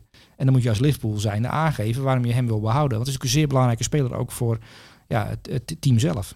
Ja, daar ben ik helemaal met je eens, Ja. Julian. En Ik vond het ook een prachtig verhaal. Goed verhaal weer. Hè? Ehm, ja, een sociale speler. Iedere, Tien. Een tien? Ja, Jan Sommer een 10, dat is 19 reddingen. Maar ik bedoel, dit, dit, dit rendement en met 9-0 winnen. Ik bedoel, veel beter kan Roberto Firmino het niet doen, ondanks de tegenstand. Maar ik geef Roberto Firmino- een 10. Oké, nou dan gaan we door naar de volgende Soelie. En dan, en dan eh, voordat ik de naam eh, noem, 88 minuten gespeeld, zes passes, allemaal goed overigens, drie doelpunten, zes keer een schot of een kopbal richting het doel. Hij krijgt drie keer de bal van Foden, één goal. Als je al die statistieken bent, dan denk je van... oké, Haaland heeft eigenlijk gewoon de hele tijd niet meegedaan. Ja. Maar hij staat wel op de eindscore. Ja. Ja, Dus hij eh, domineert wel het wedstrijdformulier. ja. Maar hij deed eigenlijk niet mee. eh, rubbish voor een hour, hè? Heb ik eh, gezegd in het rondje langs de buitenlandse veld op maandag. Ja, we noemen het geen rondje meer, maar we, we bespreken zoals elke maandag natuurlijk altijd ja, de dingen die in het buitenland spelen. dat Ja, is niet de- veranderd. De, de, de, de lokale journalist van eh, Manchester Evening News zei rubbish voor een hour. Dat was zo begon eh, het artikel eh, in- met het cijfer van, van Haal. Hij kreeg een hart. En, maar hij was een, het eerste uur rubbish. Ehm, en dat klopt ook wel. Als je gaat kijken naar Haaland en wat hij nou heeft bijgedragen aan het elftal. Hij was er niet. Want ja, dat, dat zie je terug in de statistieken. Alleen Ja. dat vind ik een verkeerde manier van kijken. En dat is ook, gelukkig heeft Pep Guardiola daar iets over gezegd na afloop. Dat, eh, dat voetbal gaat over feelings. En niet over statistieken. En die statistieken, dat is allemaal aan zijn reet roesten. Dat zo zei hij niet in het Nederlands, want hij zei natuurlijk gewoon in, het Engels. Ehm, maar dat kwam het wel op neer. Ehm, en hij haalde hem naar de kant, twee minuten voor tijd. Hij had hem natuurlijk niet naar de kant hoeven halen. Eh, maar hij haalde naar de kant, denk ik ook, om, om de mensen te laten weten... Kijk, dit is Erling Haaland. Ehm, hij heeft er nu drie gemaakt. En, en de reactie in het stadion vond ik opvallend. Je ziet, ehm, bij City wint natuurlijk heel veel prijzen en heel veel wedstrijden. En, maar echt emoties eh, wel in, de- in de titelwedstrijd, toen ze het op het laatste moment moesten omdraaien, eh, bijvoorbeeld Aguero, emotie. Eh, maar het is vrij klinisch allemaal, alsof je een dokterzaal betreedt en dat zie je allemaal mensen aan het werk die, die allemaal geen fouten maken. En dan denk je, jezus, weer een open hartoperatie, geweldig eh, uitgevoerd, weet je wel. Maar daar ga je niet voor applaudisseren, dat doe je niet in een ziekenhuis. Nee. Dat gevoel heb je een beetje bij City. Ehm, ook dat het allemaal, allemaal zo ongelooflijk vakkundig is en precies en goed. En je denkt, ja, maar echt emoties, die, die heb je bijna nooit. Maar nu met, met Erling Haaland wel. Eh, dat, dat, dat viel mij dan op. En wat voor emoties zijn dat dan? Nou ja, je zag ook eh, Pep Guardiola, zie ik nooit. ehm, twee minuten voor tijd. Als een fan langs de zijlijn klappen voor een speler die naar de kant komt. Dat, dat zie ik zelf, heb ik zelden gezien bij Pep Guardiola. Nee, en, en wat ik er gewoon opvallend aan vind. Hè, ehm, pak de teams van eh, Guardiola. De valse 9 heeft hij veel, vaak meegespeeld. En in ieder geval de positie 9 was er eentje die Ja. veel aan de bal is, die veel betrokken wordt in het spel. Ja. Pak de Europese topclubs. Benzema raakt de bal veel meer dan Haaland. Eh, Lewandowski, veel meer. En zo kunnen we wel doorgaan, want zes balcontacten. Even serieus. Guardiola is trainer geweest van Messi. Vier jaar lang. Messi heeft toen alle records die er waren gebroken. Ja. Ehm, hij is daarna eh, trainer geworden van Bayern München. Eh, heeft daar gewerkt met Robert Lewandowski. Is natuurlijk in, in allerlei facetten een veel betere voetballer dan, dan Robert Lewandowski.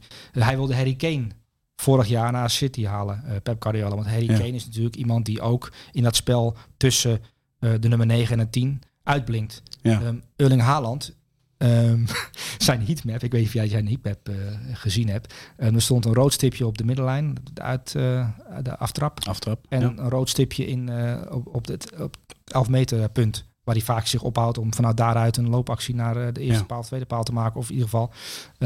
dat, dat is de heatmap. Dus tussen, tussen, tussen de, stafschopstip en het, de, het middenveld is gewoon helemaal leeg. Eh, daar komt Haaland heel af en toe sporadisch. En als je verdwaalt, en dan hoort hij helemaal niet te zijn. En je zag wel in de eerste paar wedstrijden, twee wedstrijden van Haaland, dat hij kennelijk of de opdracht had gekregen van Guardiola, of voelde van, hé, hey, ik moet wel een beetje laten zien dat ik ook kan voetballen. Ehm, ik ga af en toe in het middenveld komen, maar dat mislukte dan. Dat ziet er dan een beetje Ja. eh, merkwaardig uit.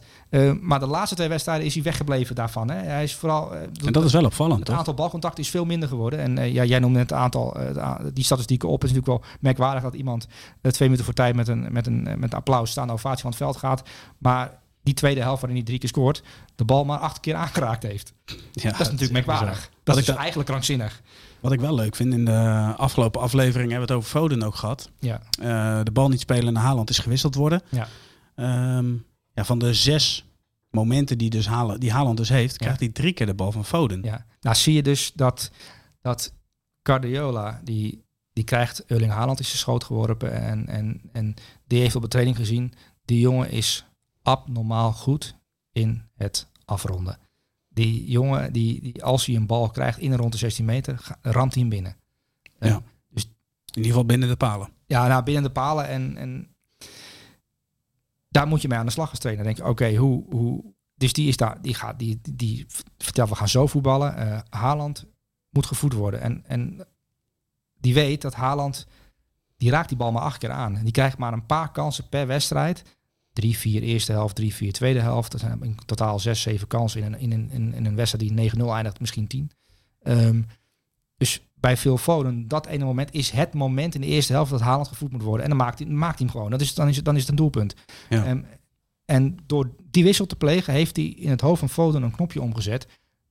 Ah, oké, dit is hoe het hier werkt. Dat wat de trainer vertelt op het trainingsveld, dat is serieus. Ehm, dus ik moet inderdaad, als ik daar die bal heb, moet hij naar het monster voorin. Ehm, eh, eh, Ja. naar Haaland. En ja, die heeft er nu zes in vier wedstrijden. En niemand kan zich eigenlijk goed herinneren op welke momenten Haaland nou eigenlijk heeft laten zien dat hij goed kan voetballen. Want eh, als we die wedstrijden allemaal terugnemen, in die afgelopen vier wedstrijden die de zes heeft gemaakt, vond, eh, heeft Haaland op jou indruk gemaakt? Nou ja, maar niet ja, op een andere manier. eh, Andere manier. Je had, wat, wat je bij Dortmund wel had, was af en toe die ja, bizarre loopacties. En dan Ja. wat langere afstanden. De afstanden bij City zijn kleiner. Ja, dat, maar dat heeft natuurlijk te maken met de dominantie van Ja, City. precies. Ehm, maar wat je wel zag bij de derde goal, dat hij ehm, twee, tussen twee verdedigers in wordt aangespeeld. Eh, maar ruimte genoeg. En iemand in zijn rug, ja, die schudt hij eigenlijk heel makkelijk af. Hè. Die, die, die moet om hem heen lopen, maar dat is te laat, want hij is linksbenig natuurlijk. Ja. Ehm, en ja, voordat de andere verdediger die, die, die, die aan de andere, van de andere kant kwam, kon ingrijpen, had hij eigenlijk al afgerond. Ehm, maar hij is zo snel inderdaad in, die, in, die, in dat soort acties. Ehm, en ja, zeer intelligent in zijn loopacties. Want dat is waar je naar moet kijken als je Haaland gaat analyseren. Ehm, het werk voordat hij een doelpunt maakt. Want daarin gebeurt het. En daar hebben we het ook heel vaak al over gehad bij Dortmund. Dat hij, eh, de manier waarop je een verdediger afschudt. En heel vaak zeggen ze dan, ja, die verdediger staat te slapen. Nee, Haaland heeft zijn normaal ingenomen. Dus die 60 minuten waar we het over hadden, wat, wat rubbish, dat hij heel slecht was. Nee, hij is dan gewoon bezig met het leren kennen van een verdediger. Hoe reageert hij? Oké, als ik dit doe, dan... Dit je, je investeert in een hat-trick. Ehm, en ja, soms maak je in de eerste negen minuten drie goals, omdat je per ongeluk... Want dat, dat gaat lekker. Ehm, Maar dit is zo'n jongen dat als hij fit blijft, ja, dan, dan, dan is, hij loopt sowieso één op één. Dus 38, 38. Dat is sowieso, dat kun je van uitgaan. Dat als, hij, als, als hij gevoed wordt, loopt hij één op één. Ehm, en als hij een topjaar heeft, zit hij daarboven. Ehm 1.2, 1.3. Ja, dan kun je uitrekenen hoeveel hij er gaat maken. En dat is een angstaanjagend getal. Dat, kun je eigenlijk niet, dat durf jij niet aan te denken. Want in de Premier League, min dan 38 is best wel apart. Mhm. Ehm, heb, jij, heb jij wel eens een spits in de Premier League 38 doelpunten zien maken? Eh, nee, nee, dat gebeurt nee, dat in gebeurt Spanje en in eh, Duitsland. Dat gebeurt, dat gebeurt daar niet. Dus je hebt nu iemand eh, bij Guardiola rondlopen. Die, die, die, die heeft gewerkt met Messi, die wilde Kane. Eh, die werkt met, eh met Aguero, eh, die die eigenlijk ook niet zo goed vond. Want die kon niet meer goed als, als valse nummer 9 functioneren. Ja. Er is een enorme strijd geweest. Maar hij is nu niet bezig met Haaland een valse nummer 9 maken. Nee, hij is nu bezig om het elftal zodanig te laten voetballen dat het monster voorin gevoed wordt. En dat, en dat maakt- vind ik misschien wel de meest opvallende move van Guardiola. Want ik heb altijd het idee dat Guardiola meer verwacht van spelers, andere dingen verwacht van spelers, soms een metamorfose eh toepast op, op spelers. En nu gebruikt hij hem gewoon zoals hij gebruikt zou moeten worden. Maar hij is er nu 6 in 4. Hè? Eh, stel je voor dat hij de komende ik nog 6 maakt. En dan straks op 12, na 8 wedstrijden op 12 doelpunten. Dan gaat een haalmania ontstaan. Er gaan mensen in Azië, mensen in, in, in Australië en in, in, in Amerika. Die willen allemaal eh, Haaland zijn. En met een shirtje rondlopen. En een Haaland petje. Weet ik allemaal wat allemaal op de markt gaat komen. Maar er gaat een Haaland mania ontstaan. Ehm, en dat is wat City wilde met Haaland. Dat er een speler binnenkomt die die, die club ook ja, wat Hollywood geeft. Dat, dat het leuk is, zoals Messi en Barcelona, zoals. Ronaldo en Real Madrid. Je Ja. moet een speler zijn die een beetje de fantasie prikkelt. En Haaland, ja, het is, ja, hij, kan, hij kan geweldig voetballen. Ehm, maar het is natuurlijk niet, eh, het is geen Bernardo Silva qua eh, techniek en qua eh, ja, fijne, in de, fijn, fijnheid in de kleine ruimtes. Nee, Nee. het is gewoon iemand die, die je aanspeelt en die, die trekt dan een sprint. eh, de, de aarde trekt, die scheurt open. Eh, er, liggen dan, eh, er liggen dan twee verdedigers voor Apengaat. En hij ramt die bal tegen het touw. Er zit nog net geen gat in het, in, gat in het net. Hij Ja, heeft is- alles van zo'n superheld, hè? ja, het, is, ja, het is echt een stripfiguur. Ja. Zo'n zo'n zo'n zo'n st- zo'n stripspits die er, die er acht maakt in een wedstrijd, dat, kan helemaal niet. Ehm, ja, ik ben bang dat het wel kan, in zijn geval. Er gaat natuurlijk een wedstrijd tegen Bournemouth komen, of tegen Southampton, dat, dat de trainer van Southampton denkt, weet je wat, we gaan ze onder druk zetten. Dat, dat, durf, dat durf ik, want ik heb lef. En dat Haaland dan eh, in 40 minuten er vier maakt. Dat, dat zou je kunnen Na vijf kunnen balcontacten. Ja, met vijf balcontacten, ja. ja. Ja, ja, dat zou mooi zijn. Ja, er rest mij niets eh, anders dan een vraag van cijfer voor Haaland. Een tien. 10. Mooie afsluiter. Ja, ik bedoel, acht balcontacten in de tweede helft, drie doelpunten, staande ovatie, geknuffeld worden door je trainer. Dan, dan, dan, dan, dan, ben, je, dan ben je rubbish voor een hour, maar wel een tien. Helemaal mee eens. Nou, Maar wel, eh, je ziet wel dat die jongen dat heerlijk vindt. Hè?